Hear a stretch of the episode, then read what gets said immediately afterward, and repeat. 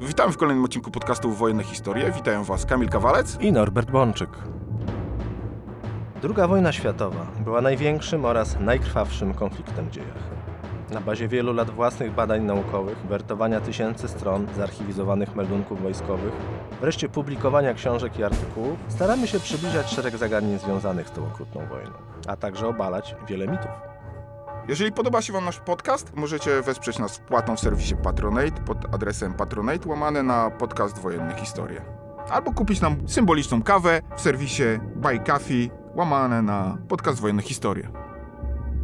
Norbert, porozmawiamy dzisiaj o Ameryce. Czasem pod naszymi odcinkami pojawia się taka uwaga, że w naszej narracji jesteśmy bardzo mocno proamerykańscy. Chciałbym porozmawiać o tym, dlaczego ta rola Ameryki jest tak mocno przez nas uwypuklana. Dlaczego uważamy, no bo mogę powiedzieć, że obydwaj uważamy ten kraj za, jak to mówi tytuł naszego odcinka, arsenał demokracji. I kraj, który odegrał fundamentalną rolę w II wojnie światowej. Chciałbym, żebyśmy w tym odcinku porozmawiali o tej amerykańskiej potędze militarnej. Dlaczego w czasie II wojny światowej odegrała fundamentalną rolę i bez niej nie było możliwe pokonanie Hitlera i Japonii. Rzeczywiście, Kamilu, w paru odcinkach odnosimy się do tej amerykańskiej potęgi. Na przykład, jeżeli omawiamy rozwój amerykańskiego lotnictwa, historię bombowców B-29, czy też dzisiaj, kiedy jakby szerzej zajmiemy się potęgą przemysłową i gospodarczą i wojskową Stanów Zjednoczonych, nie jesteśmy na pewno proamerykańscy. To chyba się ze mną zgodzisz. Raczej staramy się mówić o faktach. Czy nam się to podoba, czy komuś się to podoba, czy nie,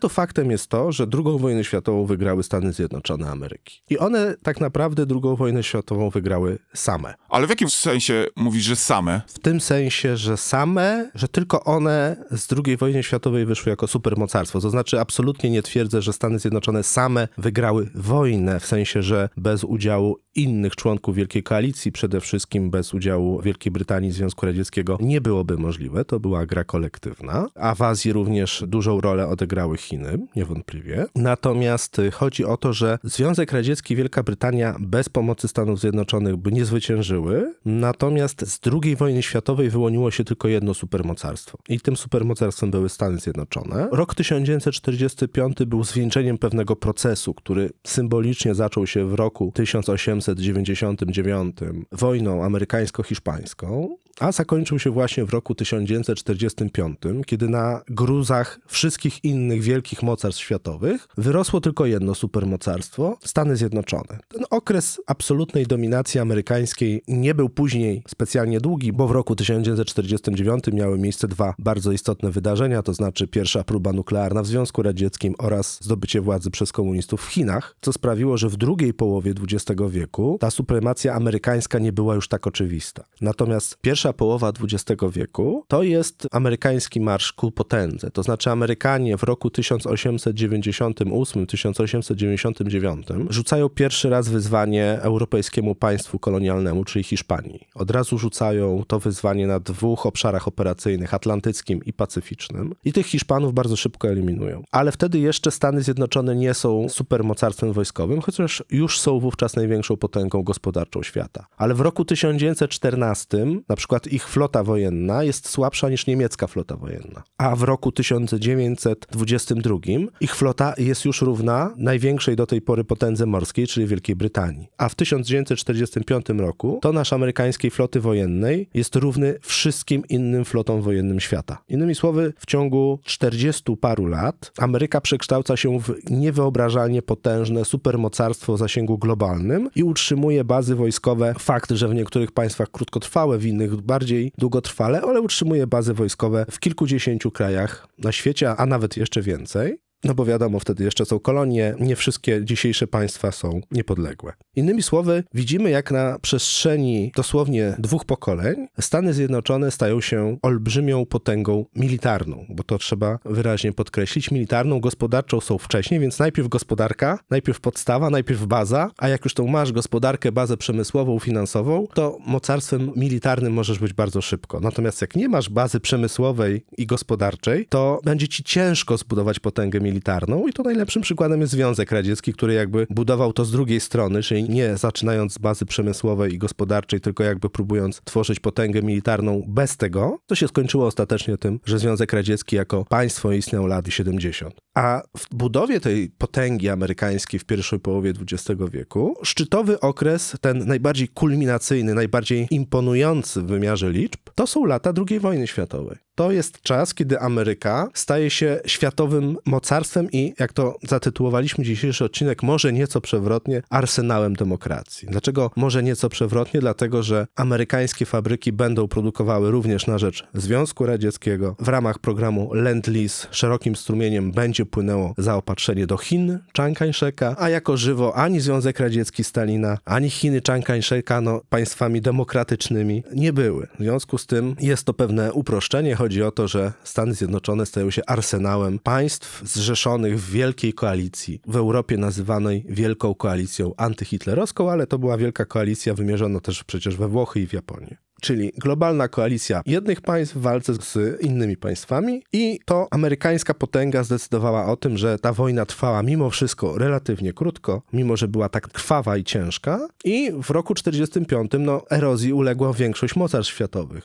II wojny światowej jako mocarstwa nie przetrwały Niemcy, Japonia. Tak naprawdę w jakimś zakresie rozpoczął się też proces rozpadu Francji czy Wielkiej Brytanii jako państw mocarstwowych. A Związek Radziecki w roku 45, mimo że wielki beneficjent ostatecznie podziałów stref wpływów, na przykład w Europie, jednak kończył II wojnę światową jako kraj niezmiernie zrujnowany i gospodarczo, przemysłowo parokrotnie słabszy od Stanów Zjednoczonych. Tutaj jednak porównania nie było czy raczej to porównanie właśnie mówi nam o tym, że Związek Radziecki, mimo że zajął dużą część Europy, zniewolił wiele państw, w tym Polskę, jednak był państwem nieporównywalnie słabszym gospodarczo i przemysłowo od Stanów Zjednoczonych. Miał dużo czołgów, dużo samolotów, ale jego zaplecze było wątłe w porównaniu do amerykańskiego. Stany Zjednoczone w II wojnie światowej przekształciły się w gigantycznego kolosa zbrojeniowego. Czy nam się to podoba, czy nam się to nie podoba? Kiedy mówimy o tych amerykańskich zbrojeniach, nie jesteśmy proamerykańscy. Znaczy zgodzisz się chyba ze mną, że nie jesteśmy proamerykańscy. Zdecydowanie, no, przedstawiamy tylko fakty, które nie każdy chce zaakceptować. Nie jest naszym zamysłem być proamerykańskimi, po prostu staramy się opisywać rzeczywistość taką, jaką ona była, a faktem jest, że nie ma w historii wojskowości równie imponującego, oszałamiającego wręcz wzrostu potęgi. Dlatego, że Stany Zjednoczone, to nawet nie chodzi o to, że one wystawiły gigantyczną armię, największą na świecie, liczącą 14 milionów ludzi. Najbardziej imponujące jest to, że one jednocześnie produkowały wszystko dla wszystkich. To znaczy, niezależnie od tego, że Stany Zjednoczone wystawiły armię złożoną z 14 milionów żołnierzy, stworzyły lotnictwo najpotężniejsze na świecie oraz flotę wojenną, która między 40 a 45 rokiem zwiększyła swój tonaż ośmiokrotnie i stała się równa wszystkim innym flotom wojennym razem wziętymi. Nawet nie o to chodzi, że Ameryka zbudowała własną potęgę w takim wymiarze, ale ona jednocześnie w wymiarze czołgów, samolotów, butów, konserw, szyn, radiostacji, benzyny, etc., etc., ona tym sprzętem w cudzysłowie karmiła wszystkie inne armie alianckie, łącznie z Armią Czerwoną, Armią Chińską i Armią Brytyjską. Mało tego, nawet ta produkcja czołgów i samolotów stanowiła tylko 50% skali zaangażowania i wysiłku, bo właśnie tak jak powiedziałem, jedzenie, ubrania, tekstylia, chemia i tak dalej, to wszystko było również elementem budowy tego amerykańskiego imperium i to było też o tyle charakterystyczne, że Amerykanie łączyli ze sobą dwa elementy. Mówi się, że Niemcy chcieli w jakość. Z kolei mówi się, że Związek Radziecki z kolei chciał iść w ilość. A Amerykanie nie mieli z tym żadnego problemu, żeby połączyć jedno z drugim. Oni szli i w ilość, i w jakość. Znaczy ich sprzęt był nie tylko produkowany w olbrzymiej liczbie, ale to był również sprzęt jakościowo najlepszy. Innymi słowy, Amerykanie łączyli jakość z ilością i z nowoczesnością. Mieliśmy odcinek o Wunderwaffe. Czy Hitler miał Wunderwaffe? No. Niemcy poza gazami bojowymi i rakietami balistycznymi, gdzie oni tylko sami dla siebie byli konkurencją, to tak naprawdę w wielu innych aspektach nie przewyższali pod względem technicznym strony amerykańskiej, ale ustępowali tym Amerykanom. Ja tu zawsze podaję taki przykład, że Niemcy byli w desperacji, więc oni rzucali, musieli rzucać do walki te niedopracowane w gruncie rzeczy prototypowe samoloty od odrzutowe. I wprowadzali prototypy, niedopracowane urządzenia do walki. Amerykanie tego nie musieli zrobić. Ale gdyby Amerykanie, powiedzmy, byli to w cudzysłowie bardzo złośliwi, no to przecież oni też niedopracowane F-80 Shooting Star, myśliwce Lockheeda odrzutowe, mogliby teoretycznie rzucić do walki w 1945 roku nad Niemcami. Ale nie musieli tego robić. Gdyby naprawdę byli złośliwi i chcieli pokazać Niemcom, co to znaczy przewaga techniczna w połączeniu z przewagą jakościową, ilościową, to przecież w 1945 roku nic nie stało na przeszkodzie w wymiarze technicznym, no bo to było bez sensu, ale nic nie stało na przeszkodzie w wymiarze technicznym, aby amerykańskie bombowce B-17 z nadmorza północnego ostrzeliwały Berlin rakietami V1, tak jak niemieckie bombowce ostrzeliwały rakietami V1, które były podwieszane pod kadłubem, odpalane spod kadłuba samolotu, atakowały Londyn. Ale Amerykanie w 1945 roku mogli robić dokładnie to samo. Czyli masz na myśli to, że mieli po prostu możliwości techniczne wyprodukowania takiej broni i użycia. Tak, zgadza się, ale tu smaczek jest jeszcze inny. Oni mogli strzelać do Niemców rakietami V1, ponieważ mało kto wie, od września 1944 roku w Stanach Zjednoczonych produkowano rakiety V1. One się nazywały JB-2, czyli to było Jet Bomber 2, JB-2. W 1944 roku wyprodukowano 76 takich rakiet w USA, ale w roku 1945 już znacznie ponad 1000. Łącznie do sierpnia 1945 roku w Stanach Zjednoczonych wyprodukowano 1338 rakiet V1, znanych jako JB-2, które amerykańskie bombowce w czasie testów poligonowych normalnie rzucały na cele ćwiczebne w USA. Innymi słowy, w tym samym czasie, kiedy Niemcy desperacko resztkami sił wysyłali bombowce He-111 z rakietami V1 podwieszonymi pod ich kadłuby i strzelali nimi w Londyn, dokładnie w tym samym czasie amerykańskie bombowce B-17 i B-24 w Nevadzie rzucały te same rakiety JB-2 na cele ćwiczebne, ale równie dobrze mogły je zrzucać na Berlin. Chodzi o to, że Amerykanie byli tak zaawansowani technicznie, że kiedy latem 1944 roku zdobyli rakiety V1, to w ramach inżynierii odwróconej skopiowali je i wprowadzili do niskoseryjnej produkcji dosłownie w ciągu kilku miesięcy. Taka to była Wunderwaffe V1. No oczywiście z V2 była już zupełnie inna sprawa, ale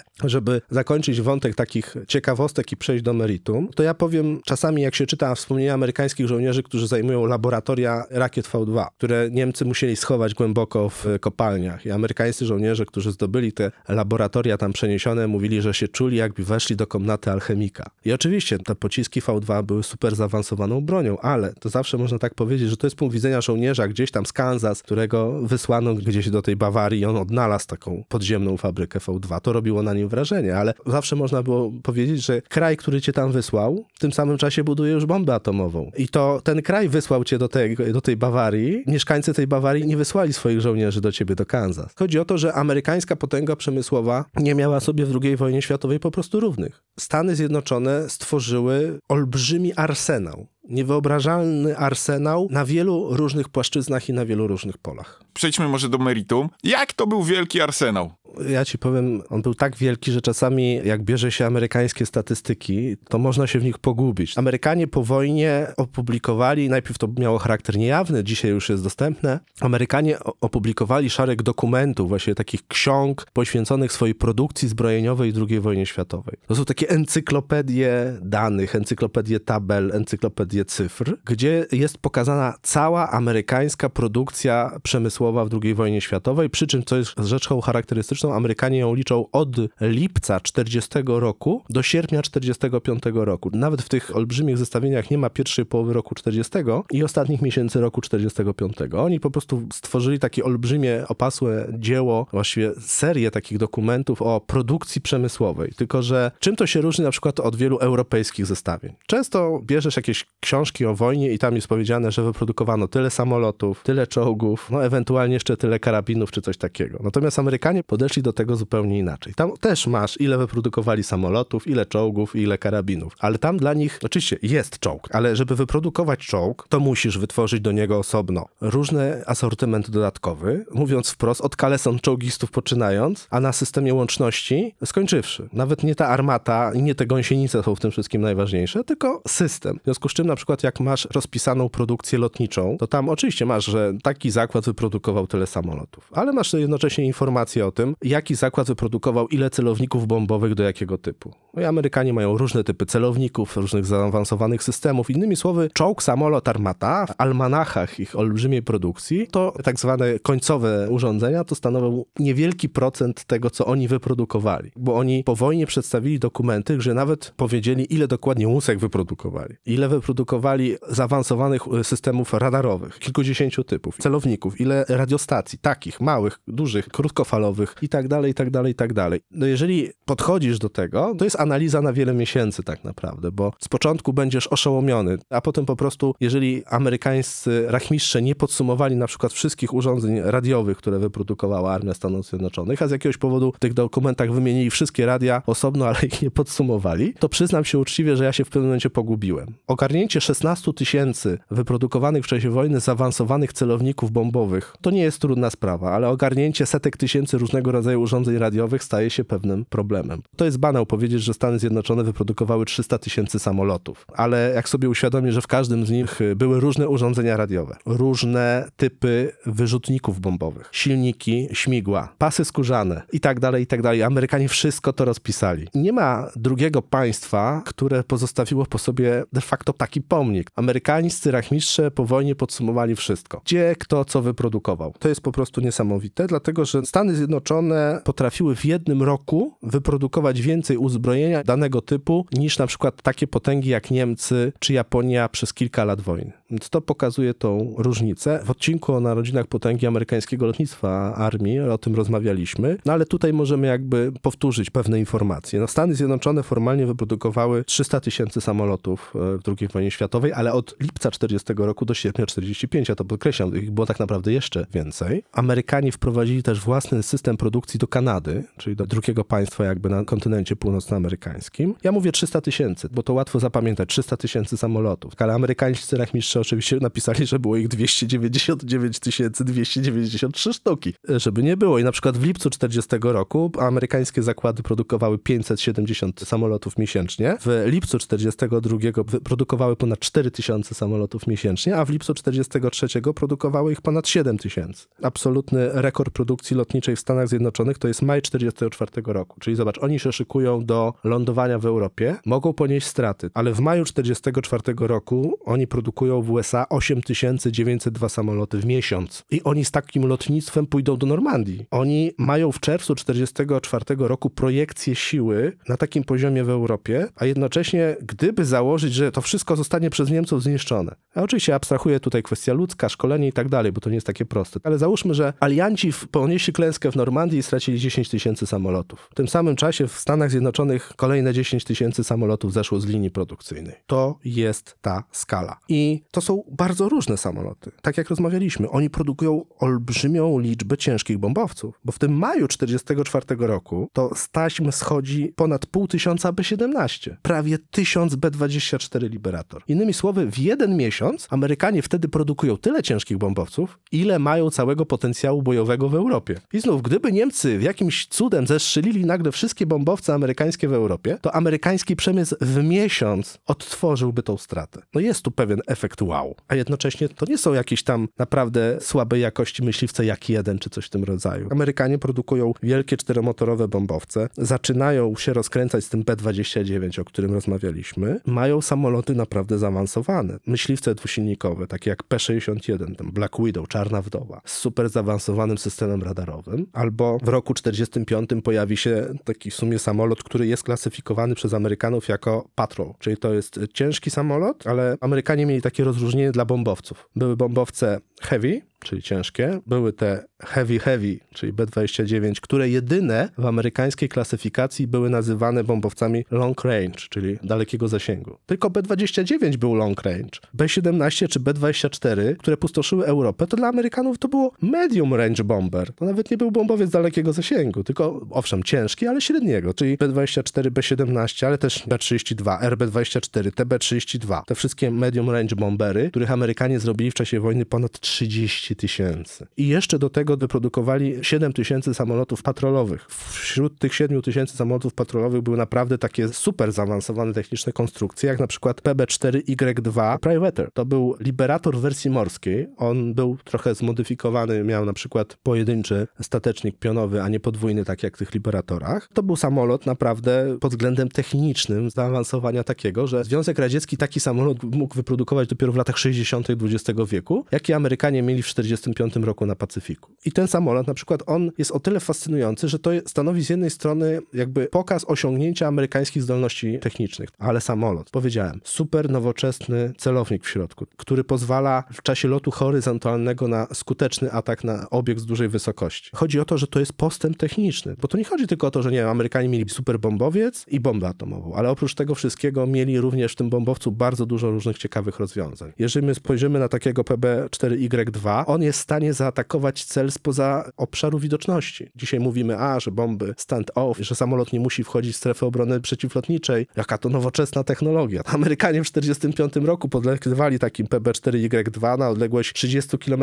od celu. Japończycy mogli próbować strzelać, no ale Amerykanie byli poza zasięgiem. Znosili się bardzo wysoko i rzucali taką bombkę. Ona się nazywała ASM-N2 BAT. Nietoperz. To była bomba szybująca z półaktywnym naprowadzaniem radarowym. Ona miała w środku radar. Ten radar przesyłał informacje do lotek i ta bomba szybując korygowała swój cel i szła te 30-20 km, żeby dolecieć i zniszczyć na przykład most albo jakiś okręt. A takich privaterów Amerykanie wyprodukowali ponad 700. I to pokazuje, że w 1945 roku w Stanach Zjednoczonych ilość szła z jakością. To dla niektórych aliantów Stanów Zjednoczonych było wręcz problematyczne. Się okazywało na przykład, że amerykańskie samochody to one muszą w Armii Czerwonej jeździć na lepszą benzynę. Problemu nie było, bo benzyna też była amerykańska. W Związku Radzieckim była na przykład taka klasyfikacja na benzynę lotniczą pierwszej i drugiej klasy. To, co było benzyną drugiej klasy, lotniczą 60-oktanową, to było benzyną pierwszej klasy dla samochodów i czołgów. I to było w Związku Radzieckim. Że okazywało się, że najlepiej, żeby taki Studebaker albo inny Willis jeździły na taką 60-oktanową benzynę. No bo ruskie tam ZISy to jeździły na gorszą.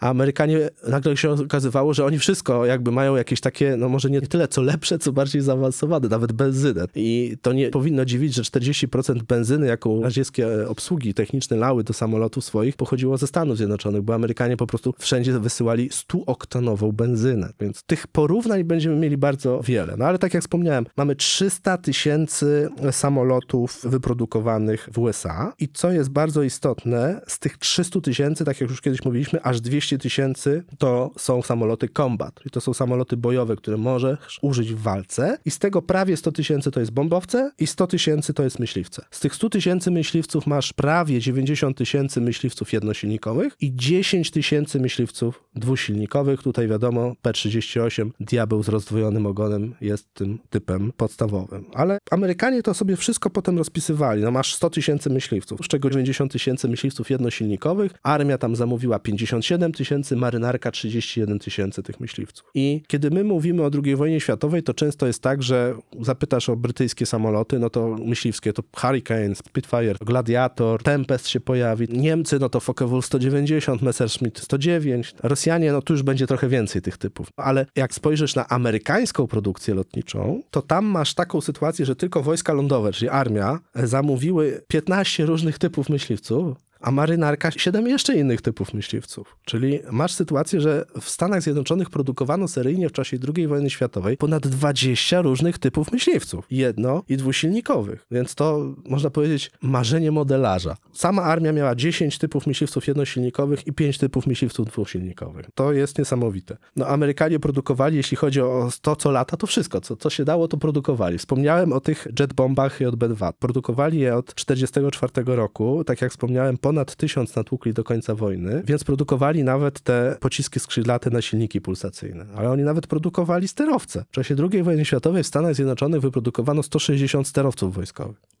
Były takie małe sterowce wypełnione helem, które na przykład polowały na okręty podwodne. Dzisiaj mówimy, o, no, jaka nowoczesna armia, jaka nowoczesna wojska, aerostaty będą nam granic pilnować, będziemy mieć bomby naprowadzone radarowo i, i pociski samosterujące i tak dalej. Ale jak weźmiesz amerykański arsenał w 1945 roku, to ci rachmistrze mogą wyjąć odpowiednią księgę i pokazać, e, co było produkowane. Bomba naprowadzona radarowo, proszę. Pocisk skrzydlaty, proszę. Aerostaty, proszę. Amunicja z zapalnikami zbliżeniowymi, proszę. I tak dalej. Bomba Bomba atomowa, proszę. Innymi słowy, Ameryka wyprodukowała olbrzymią ilość niezwykle zaawansowanych systemów bojowych. To jest nawet z dzisiejszej perspektywy niesamowite. Znaczy, nigdy wcześniej, ani nigdy później w tak krótkim czasie żadne państwo nie wyprodukowało tak wielu, tak zaawansowanych systemów bojowych. To nie jest kwestia, że mówienie o tym jest proamerykańskie. Po prostu to jest fakt. Nikt nie dokonał tego ani wcześniej, ani później. Oczywiście możemy powiedzieć, że w latach 70. produkcja broni jądrowej miała swoją specyfikę, zgoda. Natomiast jeśli chodzi o konwencjonalne pole walki, ale w wymiarze też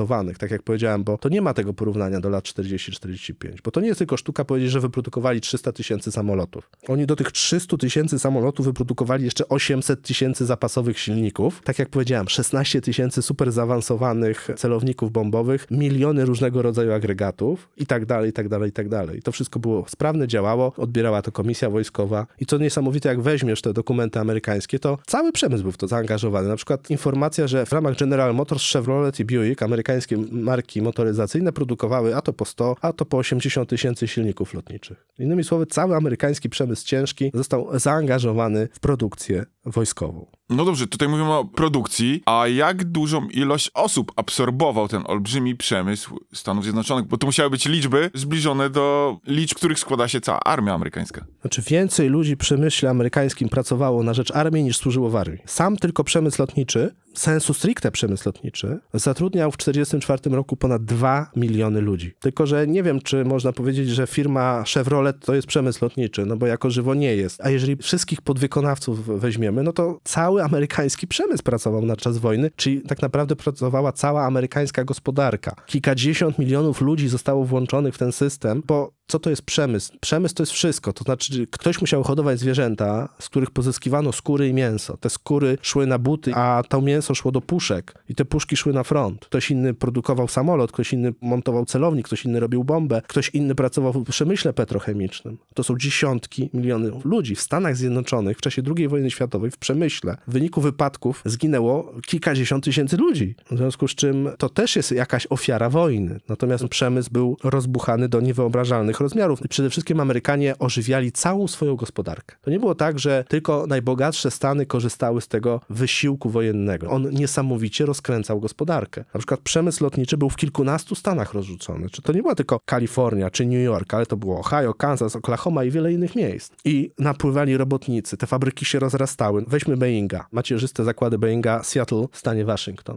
Lipiec 40 roku. Początek tej amerykańskiej statystyki. Wtedy z taśmy montażowej w Seattle zeszły dwa B 17 A w lipcu 44 roku z tej samej taśmy montażowej zjechało 260 B-17. Wzrost produkcji był stukrotny, a jeszcze w tym samym lipcu 44 roku dla zasady jeszcze pierwszych 8 B-29 zepchnęli z taśmy. Boeing wyprodukował w tym okresie sprawozdawczym 40-45 w Seattle ponad 8 tysięcy samolotów. Lockheed na przykład w Burbank w Kalifornii zrobił ich 13 tysięcy inne zakłady po 15-18 tysięcy samolotów, czyli gigantyczny rozwój, ale nie tylko tych Boeingów, Lockheedów, Douglasów i tak dalej. Cała armia podwykonawców, łańcuch dostaw. To wszystko było w Stanach Zjednoczonych. To dziesiątki tysięcy małych, średnich firm, podwykonawcy tych wielkich koncernów produkowały, produkowały, produkowały. A to opony, a to golenie, a to jakieś elementy. Nawet te łuski, etc., etc.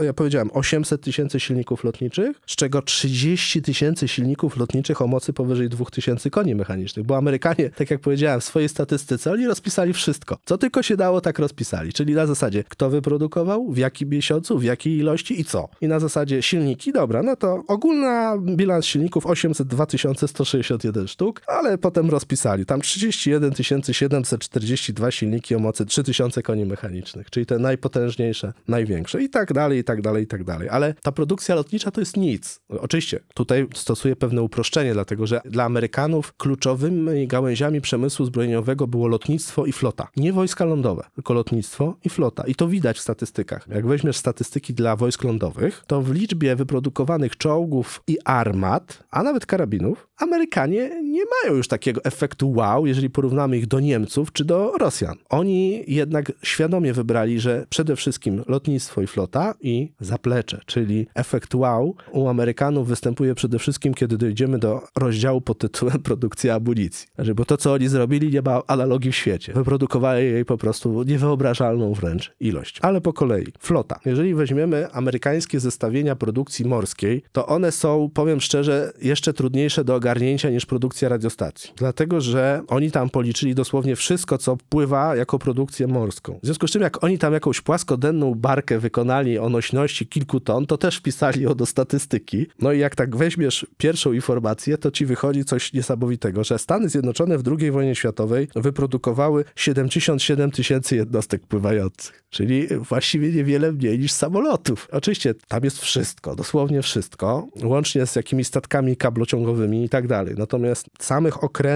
wojennych, takich sensu stricte, podstawowych typów wyprodukowali około 1300 egzemplarzy. Jak weźmiemy tak zwane te podstawowe ich jednostki, czyli combat ships, czyli te okręty wojenne, oni wyprodukowali w czasie wojny 10 pancerników, dwa superkrążowniki, 12 ciężkich krążowników, 33 lekkie krążowniki, 18 lotniskowców floty, 9 lekkich lotniskowców, 111 lotniskowców eskortowych i pomocniczych, czasami na bazie statków handlowych, 375 niszczycieli floty, 217 okrętów podwodnych, 504 jednostki eskortowe i tak dalej, i tak dalej, i tak dalej. No, jak wiesz, oni sprzedawali wszystkim, a to Anglikom, a to tym, a to tamtym. No, na zasadzie, jak zapłacicie, to dostaniecie. Cały ten lend list to był za pieniądze, więc wujek sam był dobry, ale za pieniądze. Gdzieś czytałem, że Wielka Brytania ponoć ostatnią ratę za lend list to spłaciła w 2006 roku. W związku z czym, jak nam zapłacicie, to wspólnie pokonamy Hitlera. Więc Amerykanie potrafili liczyć pieniądze. Pamiętaj, że Stany Zjednoczone zaczynały II wojnę światową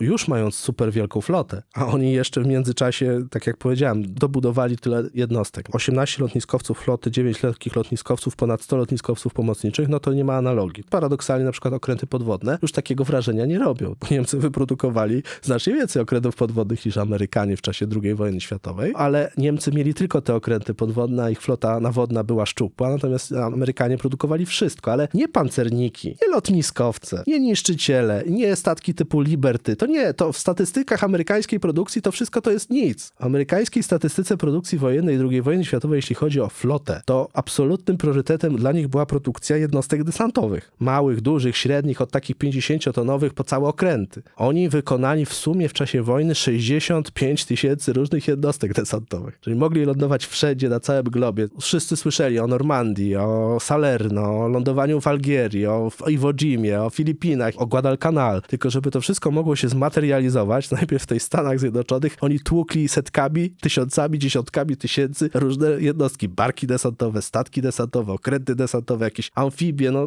to nie jest tak, że Ameryka tylko wyprodukowała jakieś tam czołgi i samoloty. Ona po prostu produkowała wszystko jak ja mówię, że Ameryka produkowała wszystko, to w tej statystyce produkcji oni zawarli od bomby atomowej poczynając, która wcale nie była najdroższa, jak się okazuje. Nawet produkcja nosiciela B-29, koszty przewyższyły produkcję bomby atomowej. No ale bądźmy sprawiedliwi, bomb było kilka, a bombowców prawie 4000. Plus 8000 zapasowych silników, plus 4000 najbardziej zaawansowanych na świecie celowników bombowych, plus to, plus tamto. Natomiast w tej rozpisce amerykańskiej jest z jednej strony bomba atomowa, z drugiej strony wyliczona jest liczba łusek do nabojów. Więc po takim szoku, jak historyk wojskowości przeanalizuje ich produkcję lotniczą i produkcję morską, to jak podchodzi do tej lądowej, to z początku może pomyśleć, no nie, no wyprodukowali, to już to w ogóle tak pomyśleć, co oni tam zrobili. I tutaj paradoks jest o tyle taki, że ich produkcja lądowa jest bardzo nieharmonijna. Oni z jednej strony wyprodukowali zaskakująco mało armat dla wojsk lądowych, tylko znów, no to jest eskalat. No jeżeli porównać do Armii Czerwonej i do Wehrmachtu, to Amerykanie produkują produkując 7800 ciężkich dział, takich kaliber 155 mm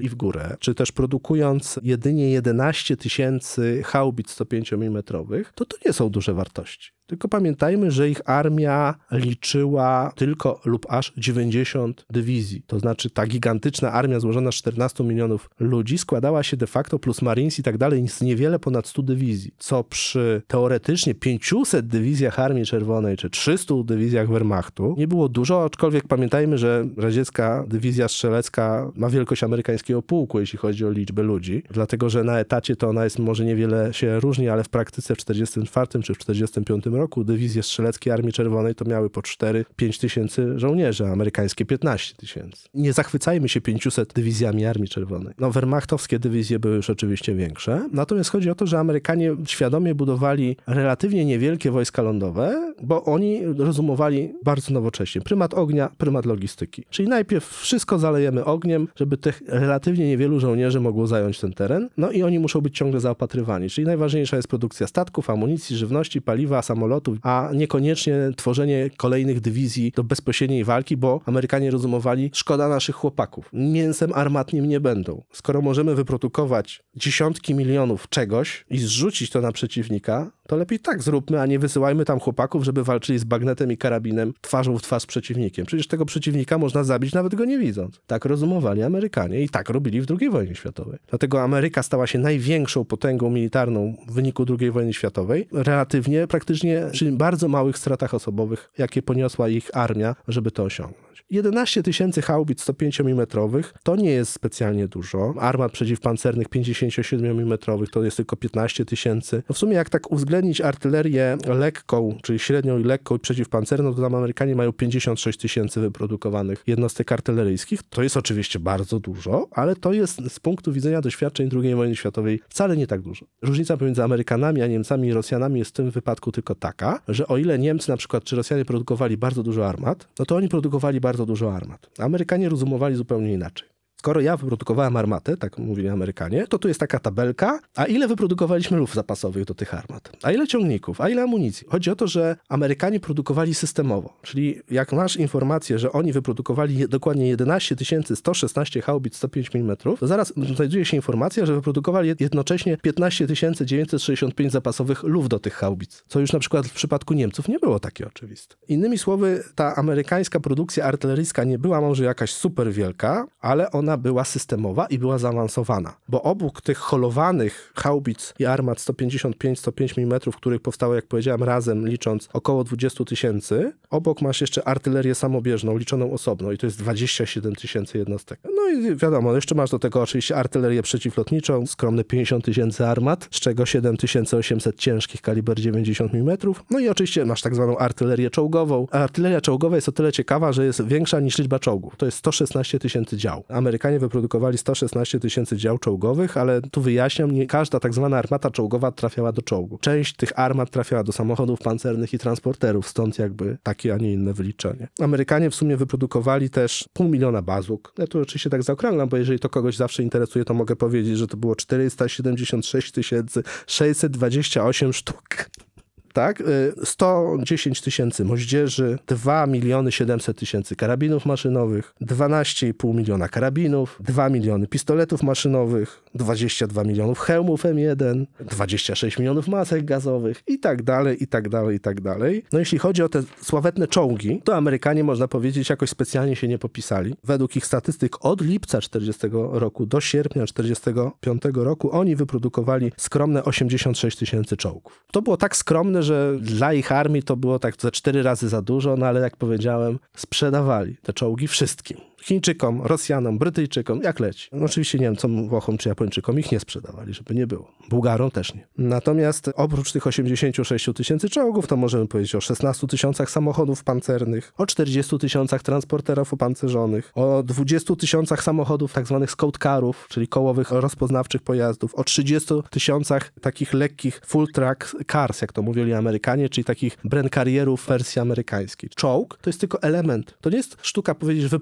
wyprodukowałem czołg. Ja do tego czołgu muszę mieć samochód pancerny, ja muszę do tego czołgu mieć ciągnik półgąsienicowy, ja do tego czołgu muszę mieć transporter, bo ja tworzę związek taktyczny, zespół broni połączonych. Dlatego oprócz tych 86 tysięcy czołgów, ja muszę mieć 27 tysięcy systemów artyleryjskich o trakcji samobieżnej. Innymi słowy, tu jest element połączoności. To jest rok 42, 44. To nic nowego pod słońcem dzisiaj się nie wymyśla. Połączone pole walki musi być ze sobą zgrane. I właśnie Amerykanie są ze sobą zgrani. Do czołgu musisz mieć ciągnik, transporter dla piechoty, a na tyłach jeszcze traktor. Jak chcesz wyprodukować 100 tysięcy czołgów czy 86 tysięcy czołgów, to pamiętaj, że jeszcze musisz wyprodukować 200 tysięcy traktorów. Więc Amerykanie wyprodukowali 200 tysięcy traktorów. Różnego rodzaju, głównie oczywiście dla wojsk inżynieryjnych, ale to pokazuje skalę ich zaangażowania. A co jest najważniejsze, jak chcesz mieć związek taktyczny broni połączonych zmechanizowany? Czołg, tak. Armata, radiostacja, żołnierz, oczywiście tak. No ale samochód. Samochód jest podstawą jednostek zmechanizowanych i zmotoryzowanych. To Ameryka, najpotężniejszy przemysł motoryzacyjny ówczesnego świata, 2,5 miliona samochodów, 4-5 lat. Zmotoryzowali tym armię amerykańską i 30% jeszcze samochodów w Armii Czerwonej, jak wjeżdżali do Berlina, to były samochody amerykańskie. Przy czym te amerykańskie się od tych radzieckich różniły tym, że było wielokrotnie większe, silniejsze pod względem mocy i ładowności. Więc jeden Studebaker równy był czasem trzem Zisom, o czym należy pamiętać, mówiąc o takiej statystyce, że 30% na przykład samochodów była amerykańskiej proweniencji, ale one woziły 60% ładunków. No i oczywiście benzyna też nich była zasadniczo amerykańska. Więc jak my mówimy o tych 2,5 miliona samochodów, 100 tysięcy motocykli, te 200 tysięcy traktorów, z czego 100 tysięcy takiego typu, 100 tysięcy innego typu, przyznam szczerze, że jak analizowałem produkcję amerykańską i wszedłem w tabelę pod tytułem produkcja traktorów, to przyznaję się Państwu, że podobnie jak w przypadku radiostacji i radarów, po prostu zgłupiałem. Nie ukrywam, że nie jeden wojskowy amerykański traktor z II wojny światowej widziałem. W muzeach, w różnych miejscach. Mniej więcej się orientuję w typologii amerykańskich traktorów wojskowych, ale okazało się, że słabo się na tym znam, jak otworzyłem amerykańską księgę pod tytułem Produkcja traktorów II wojny światowej. Przyznam szczerze, że produkcja traktorów z racji ich typów, podtypów, benzynowe, dieslowskie, takie, gąsienicowe, kołowe, mieszane, historia sama w sobie. Mówimy o traktorach takich, które normalnie w rolnictwie czy w przemyśle robią, a w czasie wojny robią w wojskach saperskich, ciągną samoloty po lotniskach, budują lotniska dla nich, dowożą amunicję i tak dalej, i tak dalej, i tak dalej. No właśnie, tu padło magiczne słowo amunicja. Wspomniałeś wcześniej, że pod tym względem Amerykanie, mam wrażenie, zadziwili chyba nawet samych siebie. Jak wyglądała produkcja tego podstawowego środka bojowego dla każdej armii w wykonaniu Amerykanów? Jeśli chodzi o produkcję amunicji, to Stany Zjednoczone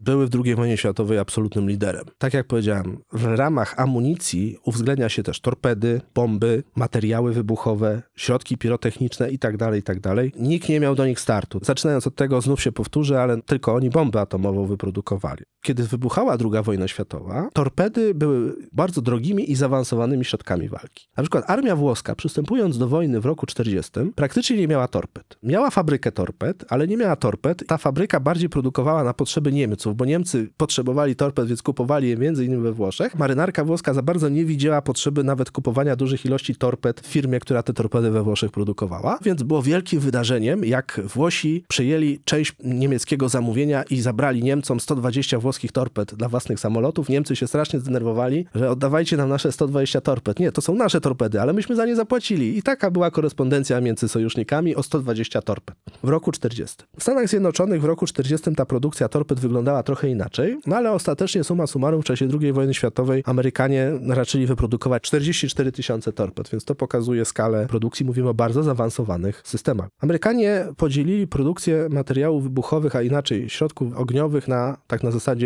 50-50, że lotnictwo nie może dostać mniej niż armia i marynarka. No w związku z czym oni wyprodukowali w czasie II wojny światowej 6 milionów ton bomb. Jeśli chodzi zaś o amunicję dla armii, to było to 5,5 miliona ton amunicji dla dział i moździerzy. Oczywiście marynarka osobno dostała swoje milion 400 tysięcy ton amunicji. Wielkie liczby często nie przemawiają do wyobraźni, ale ja powiem tak. Jeżeli uwzględnimy to, że obrona przeciwlotnicza dostała 85 milionów pocisków, jeżeli uwzględnimy to, że te rzeczone 11 tysięcy haubic 105 mm, one dostały nie tylko 15 tysięcy zapasowych lutów. Amerykanie wyprodukowali do nich 90 milionów pocisków. Jeśli chodzi o amunicję 155 mm, no to tutaj było znacznie, znacznie mniej. Oczywiście mówię to z przekąsem 30 milionów pocisków. Ja przypomnę, że donacja, jaką Zachód w tym roku udzielił Ukrainie w zapasach amunicji, to jest około miliona pocisków. A tu mówimy, że Amerykanie 155 mm pocisków wyprodukowali jakieś 30 milionów, pocisków 105 mm ponad 90 milionów. 85 milionów amunicji przeciwlotniczej, a łącznie amunicji do haubic i amunicji przeciwpancernej wyprodukowali 300 milionów pocisków. To z perspektywy dzisiejszych zapasów amunicji, jakie są na świecie i z perspektywy dzisiejszej skali produkcji amunicji na świecie, to są to liczby nieporównywalne. To są rzędy wielkości więcej wtedy niż dziś. Weźmy taką naprawdę super ciężką amunicję do pancerników. 406 mm dział, potężne, ważące setki kilogramów pociski do pancerników 406 mm. No, Amerykanie, jak to Amerykanie, no 120 tysięcy takich pocisków zrobili. Wyobraź sobie, Kamilu, jak długo można strzelać taką ilością amunicji. Po prostu lufy się rozkalibrują wcześniej i się rozpadną, niż się im amunicja skończy. I to są liczby, które po prostu robią wrażenie. To robi wrażenie, bo to, to nie ma analogii. Ameryka była może nie arsenałem demokracji, no bo tak jak powiedziałem, Związek Radziecki czy Chiny to nie były państwa demokratyczne w żaden sposób. Natomiast jak byli w jednym zespole, to Ameryka była arsenałem wielkiej koalicji. Dosłownie. Bo jej sprzęt był wszędzie, ale kluczowe dla zrozumienia, dla potęgi amerykańskiego przemysłu w II wojnie światowej jest uświadomić sobie, że to było wszystko komplementarne, że to wszystko tworzyło efekt połączony. Amerykanie nie interesowali się produkcją samolotów, czołgów, bagnetów. Oni się interesowali produkcją systemową. Wszystko musiało być, bo tylko wszystko razem działa. To jest tak jak z człowiekiem, jak z ciałem człowieka. Trzustka i wątroba są równie ważne jak płuca i mózg. Wszystko musi ze sobą współgrać. I właśnie kiedy patrzysz na amerykańską produkcję zbrojeniową w II wojnie światowej, to widzisz, że ona jest komplementarna, że ona ze sobą współgra, bo zaczyna się na poziomie tego, że masz wykwalifikowaną siłę roboczą, że gigantycznie rozwijasz przemysł, masz do tego surowce, masz na to pieniądze, potem to wszystko przetwarzasz w sprzęt, ten sprzęt jesteś w stanie wysłać na drugi koniec świata razem z obsługą i go zaopatrywać na bieżąco. To jest właśnie ten amerykański fenomen, gdzie Amerykanie piszą ci, że wyprodukowali 12 milionów karabinów, 12 milionów bagnetów, ale na wszelki wypadek to jest jedna z wielu zmiennych, ale żeby te bagnety gdzieś tam skutecznie walczyły, niekoniecznie w amerykańskich rękach, a te karabiny strzelały, to bardzo ważne jest to, że oni się chwalą, że wyprodukowali 350 milionów baryłek benzyny 100-oktanowej. Ale też jednocześnie w swoich raportach piszą, jak było ciężko. Tak na zasadzie, że dopiero w listopadzie 1944 roku produkcja nadążała za popytem. Znaczy stworzono tak wielkie siły zbrojne i zaopatrywano w benzynę wszystkich dosłownie, bo jak radziecki samolot strzelał do niemieckiego nad Warszawą, to też miał benzynę z Ameryki, a jak amerykański Japończyka gonił gdzieś nad Filipinami, to też miał benzynę z Ameryki. I nawet ten chiński samolot gdzieś tam walczący nad kantonem też miał amerykańską benzynę. Więc Amerykanie stwierdzają, że oni mieli w pewnym momencie zapotrzebowanie 600 tysięcy baryłek dziennie. Taką machinę stworzyli i że parę lat im zajęło rozwinąć tak przemysł petrochemiczny, żeby wreszcie pod koniec wojny w ogóle w 100% się zgadzało. Ale zgadzało się. To znaczy to zajęło im kilka lat, ale nawet i do tego doszli, że po wyprodukowaniu 300 tysięcy samolotów,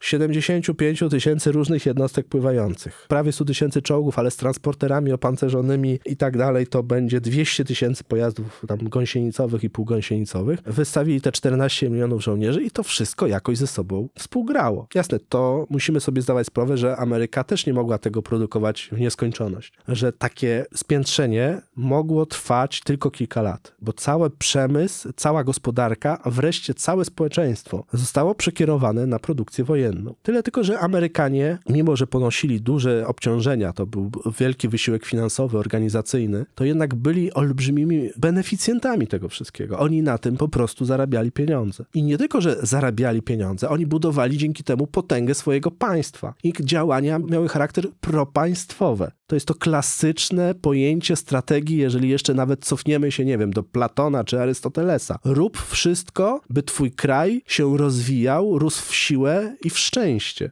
I to właśnie robili Amerykanie. Kosztem tak naprawdę tego, że dawne mocarstwa postanowiły wziąć się za łby to oni na tym skorzystali, bo Niemcy, Francuzi, Brytyjczycy, Rosjanie, Japończycy, Chińczycy, oni wszyscy się w tej wojnie wykańczali. A Stany Zjednoczone były arsenałem, dostarczały broń, dostarczyły też własne wojska, które przechyliły szale, ale można by dyskutować, co było ważniejsze w II wojnie światowej, amerykańskie wojsko czy amerykański przemysł, bo amerykańskie wojsko do Berlina nie doszło. Mogło, ale dojechało do tej Łaby, zostało to kilkadziesiąt kilometrów od tego Berlina, ale do samego Berlina nie weszło. Weszło do Tokio, weszło do Rzymu. Natomiast Natomiast amerykańskie wojsko do Berlina nie weszło, ale amerykański sprzęt do Berlina wjechał. Amerykańskie konserwy były jedzone przez żołnierzy Armii Czerwonej, paliwo, jak już wspomniałem, amerykańskie ciężarówki, amerykańskie czołgi, amerykańskie skautkary i tak dalej, i tak dalej. Transportery półgąsienicowe, to wszystko do tego Berlina jak najbardziej wjechało i to pokazuje jakby też tą potęgę przemysłową Ameryki. Możemy sobie zapamiętać 300 tysięcy samolotów, 78 tysięcy jednostek pływających różnego typu, setki milionów pocisków. Tylko, żebyśmy sobie uświadomili, to nie liczby są najbardziej imponujące, tylko systemowość tych liczb, komplementarność tych liczb. To dla historyka wojskowości jest najbardziej niesamowite, bo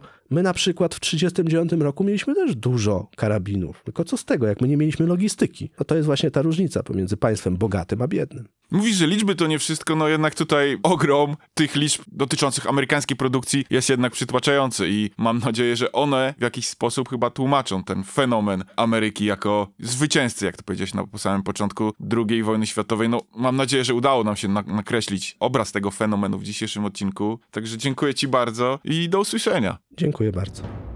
Dziękujemy za to, że byliście dzisiaj z nami. Czekamy na uwagi o tym odcinku zarówno na Facebooku, jak i na Instagramie, jak też i na YouTubie. Wszędzie tam możecie nas znaleźć wpisując naszą nazwę, czyli Podcast Wojenne Historii. Dziękujemy Wam bardzo również za wsparcie, jakiego udzielacie nam w serwisie Patronate. To dla nas niesamowita sprawa i daje nam to niezwykłego kopa do dalszego działania. Bardzo za to dziękujemy i do usłyszenia do następnego odcinka.